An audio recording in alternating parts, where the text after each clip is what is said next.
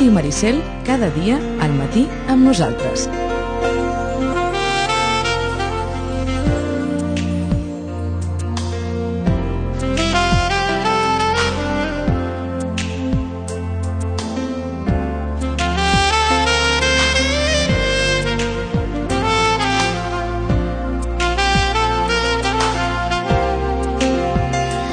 11 i 13 minuts, tercera hora d'aquest eh, matí. Nosaltres avui dimecres 19 de novembre del 2008. El temps habitual cada 15 dies per conèixer les novetats literàries i aquelles recomanacions que la Rosana Lluc ens eh, vulgui donar o cregui convenient o li sembli que els poden interessar a tots vostès. A l'altre costat del fil telefònic, per tant, saludem a la Rosana. Rosana, bon dia bona hora. Hola, molt bon dia. Han començat a arribar coses ja de cara a Nadal o no? Sí, bastantes. Sí, bastantes. Bueno, diguéssim que ha arribat quasi tot. Ah, Arriba carai. molt, molt, molt, molta cosa Mhm. aquests dies. Sí, molt. O sigui que no, no direm que amb molta anticipació perquè els llums de Nadal ja són penjats a molts municipis, Mm. però gairebé totes les novetats de Nadal eh, estan ja al caure? Sí, eh, Mm. falta una setmana i, i ja està, com aquell que diu, perquè a desembre, de fet, mm, quasi ningú treu novetats. Eh, perquè, esclar, és un mes complicat, un Mhm. mes també... Un mes poc hàbil. Eh? Mm. És un mes també complicat en el sentit de que bé, les comunicacions també són no? Terribles per portar paquets amunt i avall, etc. I també, eh, a veure, tu necessites un temps per decidir quin llibre vols i ells també volen que estiguin exposats tots, és a dir, com que la campanya de Nadal comença tan aviat en el sentit de que comencen a obrir-se, si recordes, el dia 6, Mhm. etc que ja és, és festa i ja sobretot, doncs es pretén que, evidentment, ja estigui tot, absolutament tot col·locat, amb la qual cosa han de sortir molt abans les novetats. I hi haurà alguna cosa de cara a aquest Nadal que especialment cridi l'atenció? Mm, mm, de llibre així Sí, com... allò que diguis, mira, hi ha un, una bomba abans de Nadal que, que pot ser no, sé què. eh, No, no se suposa, a veure, se suposa que di... dijous, dijous és 25? Sí, sí, sí.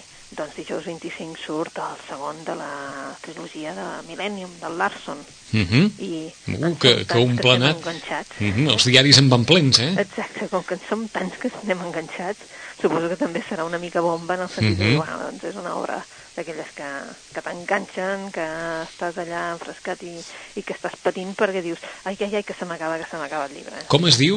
Mm, La noia que somiava amb un, amb un llumí i un bidó de benzina, de gasolina. sí? Sí, sí. Mm, O sigui, eh, complicada, també el títol, complicat, eh? D'acord, la noia que somiava amb un llumí i un bidó de benzina. Sí, el que ara no recordo perquè tenien un tema en l'editorial si era bidó o llauna. És igual. I ara no et sé dir en què No, quedat la pel- cosa. pel Si cas en- bidó pel cas- llauna en pel català, cas serà en igual, català, eh? En castellà, és un, en, castellà, en castellà no hi ha problema, però Mhm. en català és, em sembla que vam quedar que era bidó. És a dir, en castellà, eh, la, la mujer o la chica, La, la... chica que soñaba con una cerilla. Sí, en català em sembla que ha quedat com a bidó de gasolina. D'acord, i, en, i en català, i en castellà, lata de gasolina. La xica, sí. Eh? Vaja. La Mm. chica que soñaba con una cerilla i un bidón de gasolina, sí. O sigui que si fem cas a la llista dels llibres més venuts, ara que, que Stieg Larsson és el número 1 en llibres de ficció en castellà i en llibres de ficció en català, amb els homes que no estimaven les dones, és molt probable que el relleu de tot plegat sigui aquest la noia que somiava amb un, amb un llumí i un bidó de benzina. Sí, perquè eh, és evident que saps, els, els primers eh, compradors, evidentment, ja saben quin dia eh, vindran el primer dia ja a buscar-lo, eh, allò per passar allò, com que és un dijous, doncs Mhm. suposo que el primer cap de setmana això ja ja es notarà. Eh? Vaja. Ja tindrem ocasió de veure, però jo crec que ja es notarà, eh? que ja eh, tothom dirà, bum, el llibre. Doncs no sé si hem de refrescar molt la memòria o no, però de què va aquest? El, el, el primer, la, Uh, no, el de, el de la noia que somiava amb un llumí i un, i un i un llapne de de benzina. Uh, la veritat és que no l'he llegit, eh, encara. Mm no l'he llegit, però allò que, el que eh, hagis pogut sentir. Sí, eh, és evident. Aqu aquesta vegada el que és protagonista principal és eh, ella, la Lisbeth Salamander. Eh? Per aquells que no han llegit la novel·la, la Mhm. Lisbeth Salamander, o sigui, hi ha dos protagonistes en la novel·la, així que com a més eh, rellevants, eh? Eh, aquesta Lisbeth és un protagonista que comença a partir d'una certa part de la novel·la i comença així com d'estiribot, és a dir, eh, perquè ella, pel seu cantó, com que l'havien a la seva, a la seva empresa l'havien encarregat que fes un estudi sobre el periodista, que és el, el protagonista de la novel·la, mm, ella ho fa. I quan li diuen que ja no cal, amb ella li és igual perquè ella continua i continua investigant, amb la qual cosa té molta informació, però també té informació sobre el que estava investigant el periodista, en la qual cosa serà molt d'ajuda per a aquest periodista. Uh -huh. I esdevenen pues, bueno, els dos protagonistes principals perquè doncs, són els que resolen el cas. Mm? Uh, és una protagonista especial, ja us ho diem, eh? totalment asocial, um, té síndrome d'Aspergen, um, i és una altra protagonista que al final tu dius, bueno, uh, t'enamores del personatge. T'enamores del personatge de tal manera que tots estem aquí pensant, mm, a veure si... O sigui si que la, la, la protagonista té síndrome d'Asperger? Sí.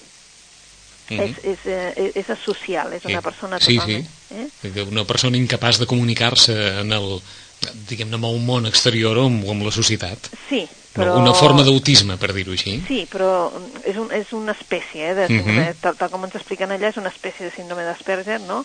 Però en definitiva el que passa que és una, és una persona que se li ha fet molt de mal, eh? és una persona que ha tingut una relació amb la seva mare doncs, molt, molt dolenta, uh -huh. um, i la societat ha decidit etiquetar-la com a persona, diguéssim, que se l'ha de vigilar, no? És a dir... O sigui que no es tracta tant d'una patologia, sinó d'una circumstància social. Jo crec que sí. Mm. Més aviat tal quan t'expliquen el llibre, saps que quedes aquella sensació de dir no, no, no és que tingui una patologia, mm -hmm. sinó simplement que el que li està oferint la societat no li interessa en absolut i ha decidit agafar una, una tangent. Però per això, clar, tota aquesta gent que no quadra no? en els esquemes eh, de la societat, doncs els etiquetem de tal manera que els hem de vigilar, els hem de controlar, els hi posem una persona que es faci càrrec doncs, de, que li controli doncs, la seva compte corrent, que li controli absolutament tot, però esclar, qui controla aquesta persona que controla? Eh? És a dir, uh mhm. -huh. això és el que li ha passat que, doncs, diguéssim que ha tingut mala sort, perquè primer tenia bona sort perquè tenia un senyor que l'entenia perfectament i que tenia molt bon tracte amb ell, que li feia com una espècie de pare, eh? aquesta figura paterna que ell no tenia, però quan aquest senyor doncs, es mora, doncs passa amb una altra persona que és una persona que es vol aprofitar de la situació i que, bé, que ella li dona... Eh? Bé, li dona el seu merescut. Eh? Uh -huh. Allò, el que li passa a aquell senyor s'ho mereix. D'acord, o sigui que d'alguna forma es venja mm. Mm es venja, es venja de... de... Dels culpables de la, de la seva situació, d'aquesta postura social. En, en, en una persona en una persona que està eh? Vull uh -huh. dir que, en definitiva, tu que, que sempre quedes al costat d'ella, però quedes al costat d'ella perquè és que està realment, penses, bueno, és que és un, una persona, és un mal bitxo. Eh? Uh. -huh. Bé, doncs, per tant, estiguin atents. Hem dit dijous i el 25 de novembre no és dijous, diria, perquè si aquest dijous és 20 de novembre... No, doncs així no, és eh, dimarts. És dimarts, a veure, jo no tinc calendari. Sí, han, de, han desaparegut els calendaris. Va. Sí? Bueno, no, deu ser dimarts. Deu ser dimarts. Deu ser dimarts, deu ser dimarts, sí, mm. sí. Dimarts sí, sí, sí, sí, sí, segur, dimarts. Sí? Dimarts. dimarts sí, sí, doncs vinga, dimarts que ve, aquells que s'acostin a les llibreries, mm. acabarà d'arribar uh, de Stig Larsson, La noia que somiava amb un llumí i una llauna de benzina. Sí. Versió catalana i versió castellana. Exacte. Eh? O sigui que si no volen esperar fins Nadal, Mm, els llibreters ho agrairan, segurament. Sí, eh? els llibreters sempre que t'acostes a buscar un llibre ho agraïm, eh? Sigui el dia que sigui... En general, eh? Exacte, sigui mm -hmm. el dia que sigui, ens, ens va bé. Eh? Escolta'm, què li ha passat ara a Martí Gironell, que ara resulta que no només la venjança del bandoler està en el número 2, sinó que el pont dels jueus torna a estar a la llista dels llibres més venuts. Sí, és curiós, eh? Mm? És curiós. Uh, jo diria fins i tot que que el, que és aquí es ven més el, el pont dels jueus que no pas la venjança. La venjança va tindre un boom, saps sí. allò, els primers dies, uh mhm. -huh. i ara sembla que ha quedat en un, un altre lloc més discretet. D'acord, i en canvi el pont dels jueus el viu una... El pont dels jueus el que passa és que sí que s'ha de reconèixer que s'ha editat en butxaca, eh, l'edició de butxaca tant en català com en castellà. Uh mhm. -huh. O sigui que viu, viu una segona joventut, vaja. Exacte, això també ajuda, i això ho saben els editors. Saben que, bé, quan el llibre surt en, en butxaca, doncs eh, té com una revifalla, no? Uh mhm. -huh. I és, és cert que, és clar, dius, bueno, doncs mira, potser amb, amb, ara no em gastaria 20 euros, com aquell que diu, amb, amb, una, amb un, però sí el de butxaca. I és veritat que sí que ha tingut una revifalla. D'acord. Sí, ho ficàvem perquè... La, la història continua agradant. Mm -hmm. Ho ficàvem perquè ens ha cridat l'atenció, doncs això, hi ha dos llibres de Martí Gironell a la llista dels llibres més venuts, perquè la resta, poques coses han canviat, eh, el noi del pijama de ratlles, cada castell i totes les ombres d'en Baltasar Porcel, que com ens deia, eh, la Rosana és una lectura, eh, bé, que un, un s'hi ha de posar una mica en el cas de, de Baltasar Porcel, Un home a les fosques de Paul Auster, en definitiva els llibres que hem comentat. Havíem comentat el, el darrer llibre de Basili Grossman o no? El Todo fluye. No, no, no, no l'havia eh? comentat, la veritat és que no l'he llegit, Mhm. i per tant, poca cosa us puc dir. D'acord, eh, però que Ah, tothom sàpiga que, que està a la llista també dels més venuts o que apareix així i no sé si ho havien comentat algun dia o no. No, eh, Mhm. de fet no. Eh, mi encara, jo continuo venent encara Ah, vida i destino, no? Vida i Destino Mm. i per sobre de Todo Fluye, eh? Suposo que també és per aquella sensació de dir, com que s'ha etiquetat a, a Vida i Destino com a la millor novel·la del segle XX, Mhm. doncs suposo que això també també farà que ara doncs, el, el, els lectors busquin una segona obra de, de Basili Grossman. Mm, D'acord. I si no, com deia la Rosana, al final d'any és sempre un bon moment per fer escandall Sí. de, dels aquells llibres que han estat notícia el 2008 i intentar doncs, fer la biblioteca del, del 2008, no? Exacte, sí, Mhm. sí, que és el que estem intentant tots, no? De dir, Eh. a veure, que ha sigut així com a molt, molt important, que és el que, no? Que jo m'hauria de, com a mínim, de dir, mirar-me-la a veure què i fer una Mhm. mica de, de resum. Abans que acabi l'any farem la llista, però que quedi clar que aquest 2008 mm, ens sembla que si hem de fer cas al que ens ha dit la Rosana, eh, els llibres més venuts són molt bons llibres. Sí, la veritat és que si, un, si hem anat mirant el, els, les llistes, déu nhi no? Perquè, Mhm. clar, que surti un...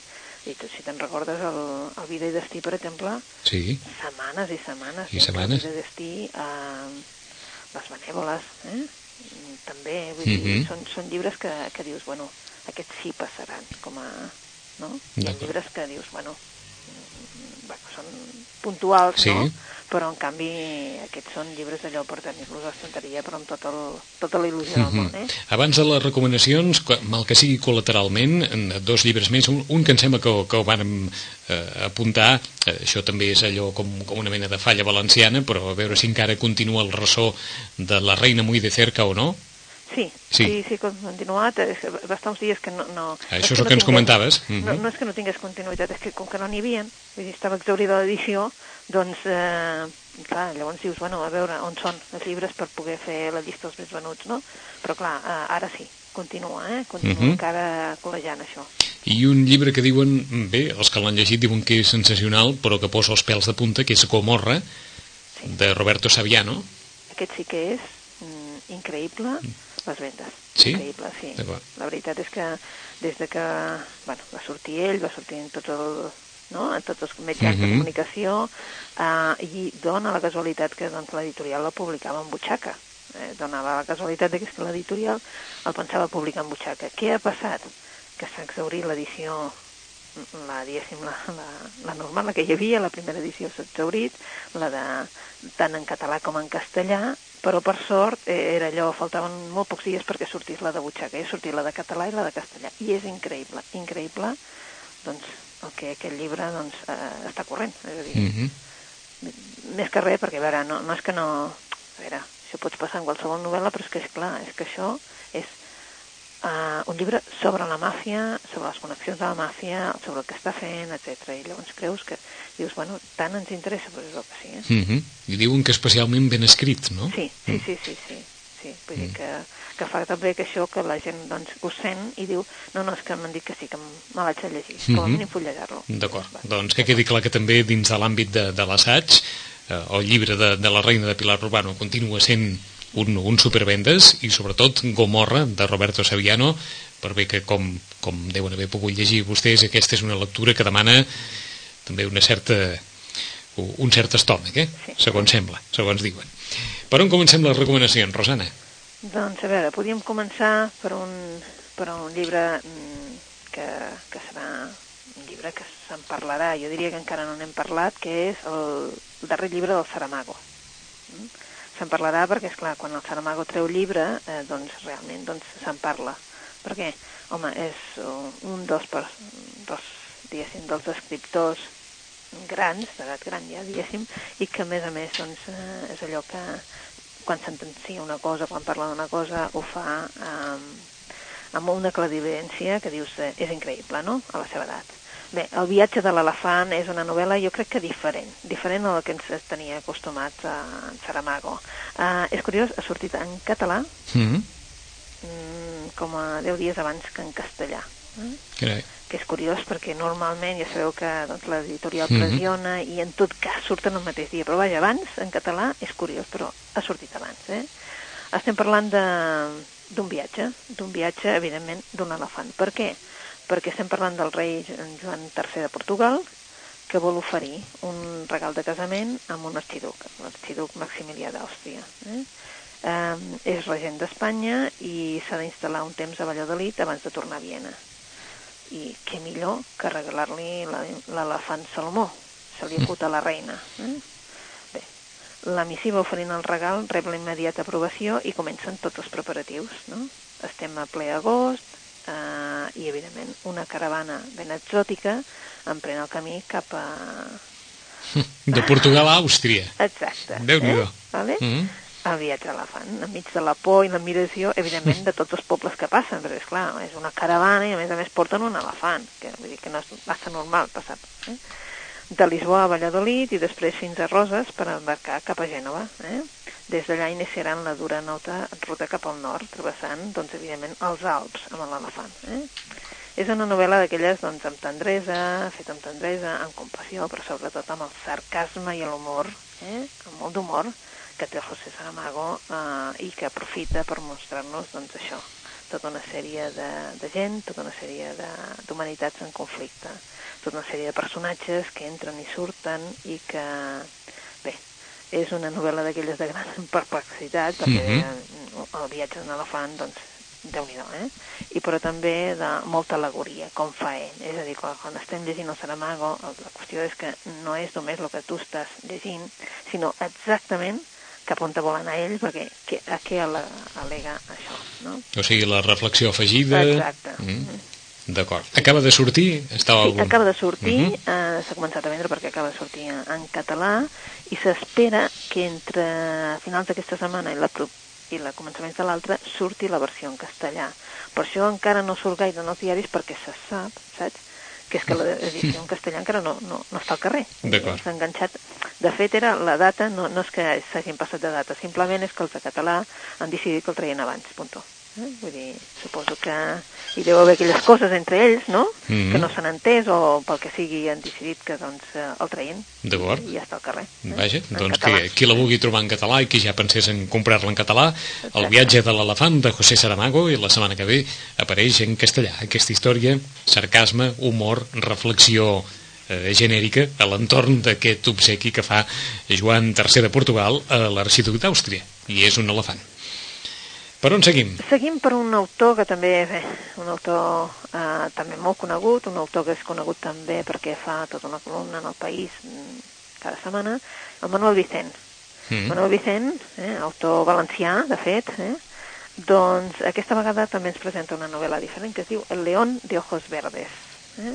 També acaba de sortir, això que dèiem, no? Quantes en surten? Doncs moltes, aquests dies moltes, eh? I se n'anem a, més o menys a l'època que a ell li agrada més parlar, eh? en els, els anys 50. Eh? Estem a l'estiu del 53, estem en un balneari i estem en una platja. Eh? Uh, I en les vacances, durant aquestes vacances, uh, un, un aprenent d'escriptor doncs agafa allà i comença a escriure. Eh? I alguns clients del Boramar, un assassí, un metge, un, un, un franquista d'aquells que els veus a venir mm, de molt lluny, un navegant, que és un coronel, i també un senyor que va en cadira de rodes eh, i que rep cartes encara de mort, eh, formen part de la galeria de personatges d'aquesta entregat de la novel·la que ell vol escriure. Ben heterogènia, eh, aquesta que galeria. És que, vull dir, però si tires una mica enrere penses, a veure, el 53, Mhm. mm? Vull dir, jo el franquista ja el veig, vull dir, que passa que Sí, jo no sí. hi era el 53. No, no, però, però esclar, en un, eh, bal, no en, un, en un balneari de platja, Exacte. oi? Eh? Per un balneari de platja, però bueno, qui podia anar a un balneari de platja en aquests Mhm. anys? També, pensem-ho, eh? El 50 i pico. Eh? Bé, eh, llavors, eh, bueno, eh, entre tots aquests, qui es mou? Doncs hi ha una turista francesa que evidentment que mou passions, és una turista francesa adolescent i es diu Brigitte Bardot. Mhm. Encara no és coneguda, però en aquesta platja doncs, ja, ja va causar escàndol el seu biquini vermell. Mm? I a la terrassa del Boramar eh, també hi ha tots els records. Els records de quan aquest balneari ara va ser hospital de les brigades internacionals de la Guerra Civil. Eh? Evidentment, per allà hi han totes les sombres de diversos escriptors. El John Dos Passos, la Dorothy Parker, eh, d'un cantant de blues, el Paul Robinson, que van passar per allà. Aquell estiu del 53 també rodava en aquest balneari una pel·lícula, una pel·lícula ambientada a l'època de, de, entre les dues guerres. Eh? I a la terrassa també s'hi mouen tots els figurants d'aquesta pel·lícula, eh? i evidentment ja podem pensar doncs, que doncs, les senyores amb pameles, els eh, senyors amb, amb barrets de palla i els, els d'això de porcelana, és mm -hmm. a dir, uns personatges tan variopins que la veritat és que és entretinguda única i exclusivament només per veure ja quina quantitat de personatges mm -hmm. i sobretot perquè, evidentment, el Manuel Vicent eh, és una època que ell encara té fresca perquè la té molt viva en el record i ens vol fer recordar tota aquella època i sobretot el que fa el Manuel Vicent sempre és tornar a la seva terra, evidentment, la que coneix i per això ens presenta allà el, el seu balneari particular. Mm -hmm. O sigui que això és una novel·la coral és una novel·la coral. No, no diré que la manera de la colmena, però, però aquí hi ha una, en fi, una llista llarguíssima, eh? De, sí, de personatges. De presència, sí, sí. Sí, de personatges. Ell també li vol donar aquell toc que va tenir aquells anys, eh, doncs, eh, aquesta part de la costa, no?, que van venir, doncs, eh, personatges ben diferents, no? És a dir, hi havien vingut personatges eh, més compromesos, no?, com escriptors, etc durant l'època de, de guerra. I després hi continuen venent una sèrie de personatges que després donen el, el pas amb el boom turístic, no?, que serà això, no? I ell el que vol recordar és aquesta època, aquesta època en el que, per exemple, venia una noia joveneta, que després serà famosa, perquè ell ho recorda ben però que en aquell moment doncs, ja va ser, imagineu-se, en els anys 50, doncs algú amb un biquini vermell, a més a més a les platges, quan mm -hmm. aquí doncs, es anava una mica més tapat. Eh? En un balneari, l'estiu del 1953, un aprenent d'escriptor es troba doncs, tot això, que ja és, diguem-ne, motiu d'inspiració, per descomptat. De Manuel Vicent, El león de ojos verdes, acabada de sortir també. Per on seguim? Seguim, eh, és que no sé si vam, no sé si vam parlar d'una novel·la de Màrius Serra, no, clar, no, i apareix avui, eh, bé, ha aparegut durant aquests darrers dies l'escriptor i el seu fill, sí. en un exercici, diguem-ne, vital, gairebé més que, que literari, aquest, eh? Sí, sí, però és un, diguéssim, sí, és eh, novel·la, és que, mm, novel·la, a veure, novel·la, novel·la no ho és. Uh -huh. eh, el que podríem discutir si és ficció o no és ficció. D'acord. Estaria en la línia, com algú ha apuntat, sí. del llibre d'Espinàs amb la seva filla? Sí, estaria en aquella línia, però tampoc, clar, eh, és, és, és diferent, eh? És diferent perquè, en definitiva, el que ha fet el, el Mario Serra és com una espècie de dietari, però no podríem dir que és un dietari perquè un dietari el que té doncs, és una correspondència de dates no? uh mhm. -huh. concretes i vas seguint i tu vas veient l'evolució, sigui dels sentiments de l'escriptor, sigui l'evolució del personatge, sigui de qui sigui, no? En aquest cas, el que fa el Marius és mm, posant-se a prova perquè no ens posa doncs, un títol, no? Mm, senyals, missatges, sexe, distinció, i va tirant endavant i endarrere. El que sí està clar, és un llibre que està dedicat a el Lluís, el seu fill, uh, és un llibre que ell ja diu que el volia dedicar i veure simplement, simplement, veure el seu fill uh, precisament moure's, no? És per això que des de, bueno, hi ha una part del llibre en el que tu, movent les fulles, veus el Lluís corrent, eh? perquè uh -huh. doncs, hi ha les imatges de, del nen. És un muntatge fotogràfic que ha fet ell amb un amic seu, que és fotògraf, etc. i suposo que per això té eh, aquesta part de, de que apela a la sensibilitat uh -huh. teva com a, com a lector i com a, com a persona. Que té relació, Rosana, hem de suposar, amb, amb tot aquest seguit de fotografies que han vingut apareixent als mitjans de comunicació, del pare i el fill, ajaguts en una, en una estora, Mm, per fer-li... Per fer-li les fotos i simulant, doncs, això, aquest, aquest moviment, no? Com, aquest moviment, exacte, sí.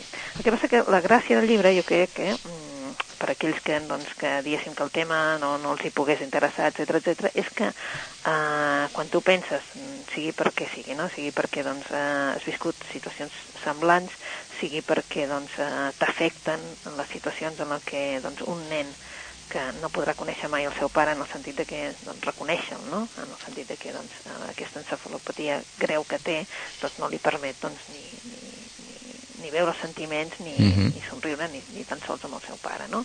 per tant és un, tu dius jo cauré no? serà massa sensibilitat té la gràcia al Màrius de que t'ho explica d'una manera molt clara és a dir, ell ha volgut fer la vida amb el, tal com la, la faria si tingués un, un fill que no tingués això i per tant eh, ja et dona una sensació de tranquil·litat això, no? Vull dir, ell no, no diguéssim que no cau en aquestes depressions, no cau en, en absolutament res. I té la gràcia el llibre, que tal com t'ho explica, és com ho, explica, com ho explicaria el Màrius, no?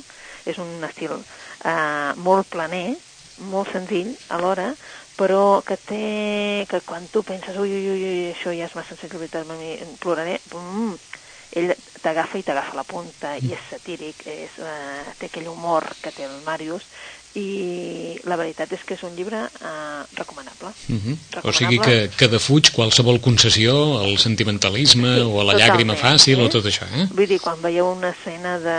Hi ha algunes que són dures perquè penses que estem envoltats de, de gent amb molt poca sensibilitat, no?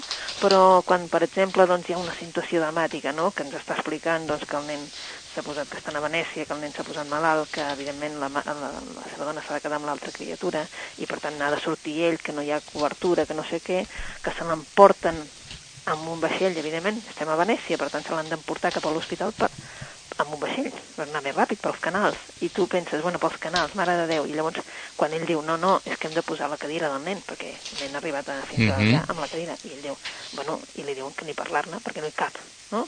I ell diu, com que no hi cap? Ja veuràs. I llavors, pam, pam, col·loca el que portaven ell, pum, la cadira i tal, i diu, és que aquests, vamos, és que no saben el que és ser cambrer al Rambla Catalunya. Mm. llavors, vull dir, saps allò, mm -hmm. tu passaves d'una situació de que estaves allò angoixat i pum, va, ja, ja, ja has acabat d'estar angoixat, no? Mm -hmm. És a dir, el, el punt, com a mínim, d'ironia que pot haver-hi en cada situació, per difícil que hi hagi. Que en definitiva tu dius, home, tu, quin, quin, quin bandar, m'està fent riure. I és que, en definitiva, mhm. -huh. tu veus que té molt d'humor, té molta ironia, molta, eh, i fins i tot un puntet allò de dir, bueno, un puntet de mala llet també de dir, bueno, escolta'm, al final doncs els poso, eh, vull dir, té aquest punt, no? I uh -huh. jo mhm. per això us el recomano, perquè deia, bueno, és un llibre diferent, és un llibre diferent, no? El llibre es diu? Quiet.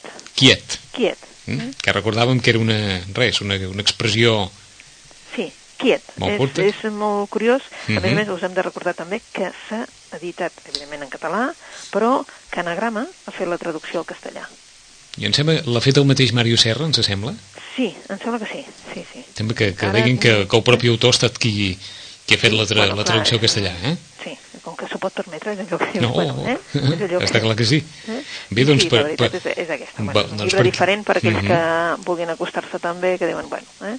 De què parlen els autors mm -hmm. catalans, podem parlar absolutament de tot. Eh? Aquí està, i perquè diguin qui és qui és, doncs l'home que fa els mots encreuats a, a l'avantguàrdia mm. està darrere d'aquest llibre dedicat al seu fill, eh, nen que pateix d'una encefalopatia greu i que el propi autor deia que ha trigat molt de temps a, a, a trobar sí. el desllorigador per poder explicar aquesta, aquesta història personal d'una manera bé, de la manera que amb ell li podia resultar més còmode, perquè el nen evidentment ja, ja té uns anys i per tant Eh, sí, a més, més, vull dir, amb una acceptació que, vull dir, que, que és d'agrair, no? Vull dir, mm -hmm. perquè tu, mm, saps, no és un llibre allò de dir, uf, uh, no, en absolut. Eh? D'acord. Eh?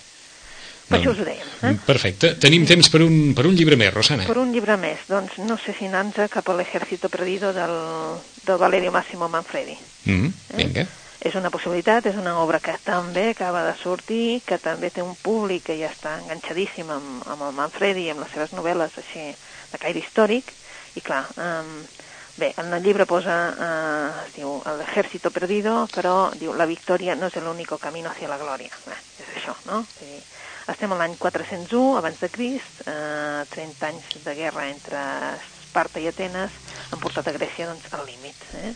Ja no pot més, i en aquest moment de crisi, Ciro, el germà de l'emperador persa Artajerjes, decideix reunir un enorme exèrcit de mercenaris grecs. I aquests passaran a la història amb el nom dels 10.000. Eh? Um, bé, ell ja va anunciar el seu propòsit de combatir les tribus rebels, uh, però el veritable objectiu d'aquesta marxa de 3.000 quilòmetres segueix sent uh, un dels grans enigmes de l'antiguitat. La, eh? Després de la mort de Ciro, en una batalla, els mercenaris quedaran així, abandonats una mica a la seva sort, amb un territori que evidentment els hi era hostil. Poc després, els grecs, els jefes grecs són aniquilats en una emboscada i el Xenofonte, el, el Xenofonte, un culte i experimentat guerrer ateniens, eh, pren el mando, pren el mando d'aquesta fracassada expedició i, evidentment, el que vol és regressar, eh, tornar cap a la pàtria. Eh? I al seu costat està sempre Avira, una jove enamorada mm, enamorada d'ell, eh? i havia abandonat la seva família, el seu poble, únic i exclusivament per seguir-lo. Eh?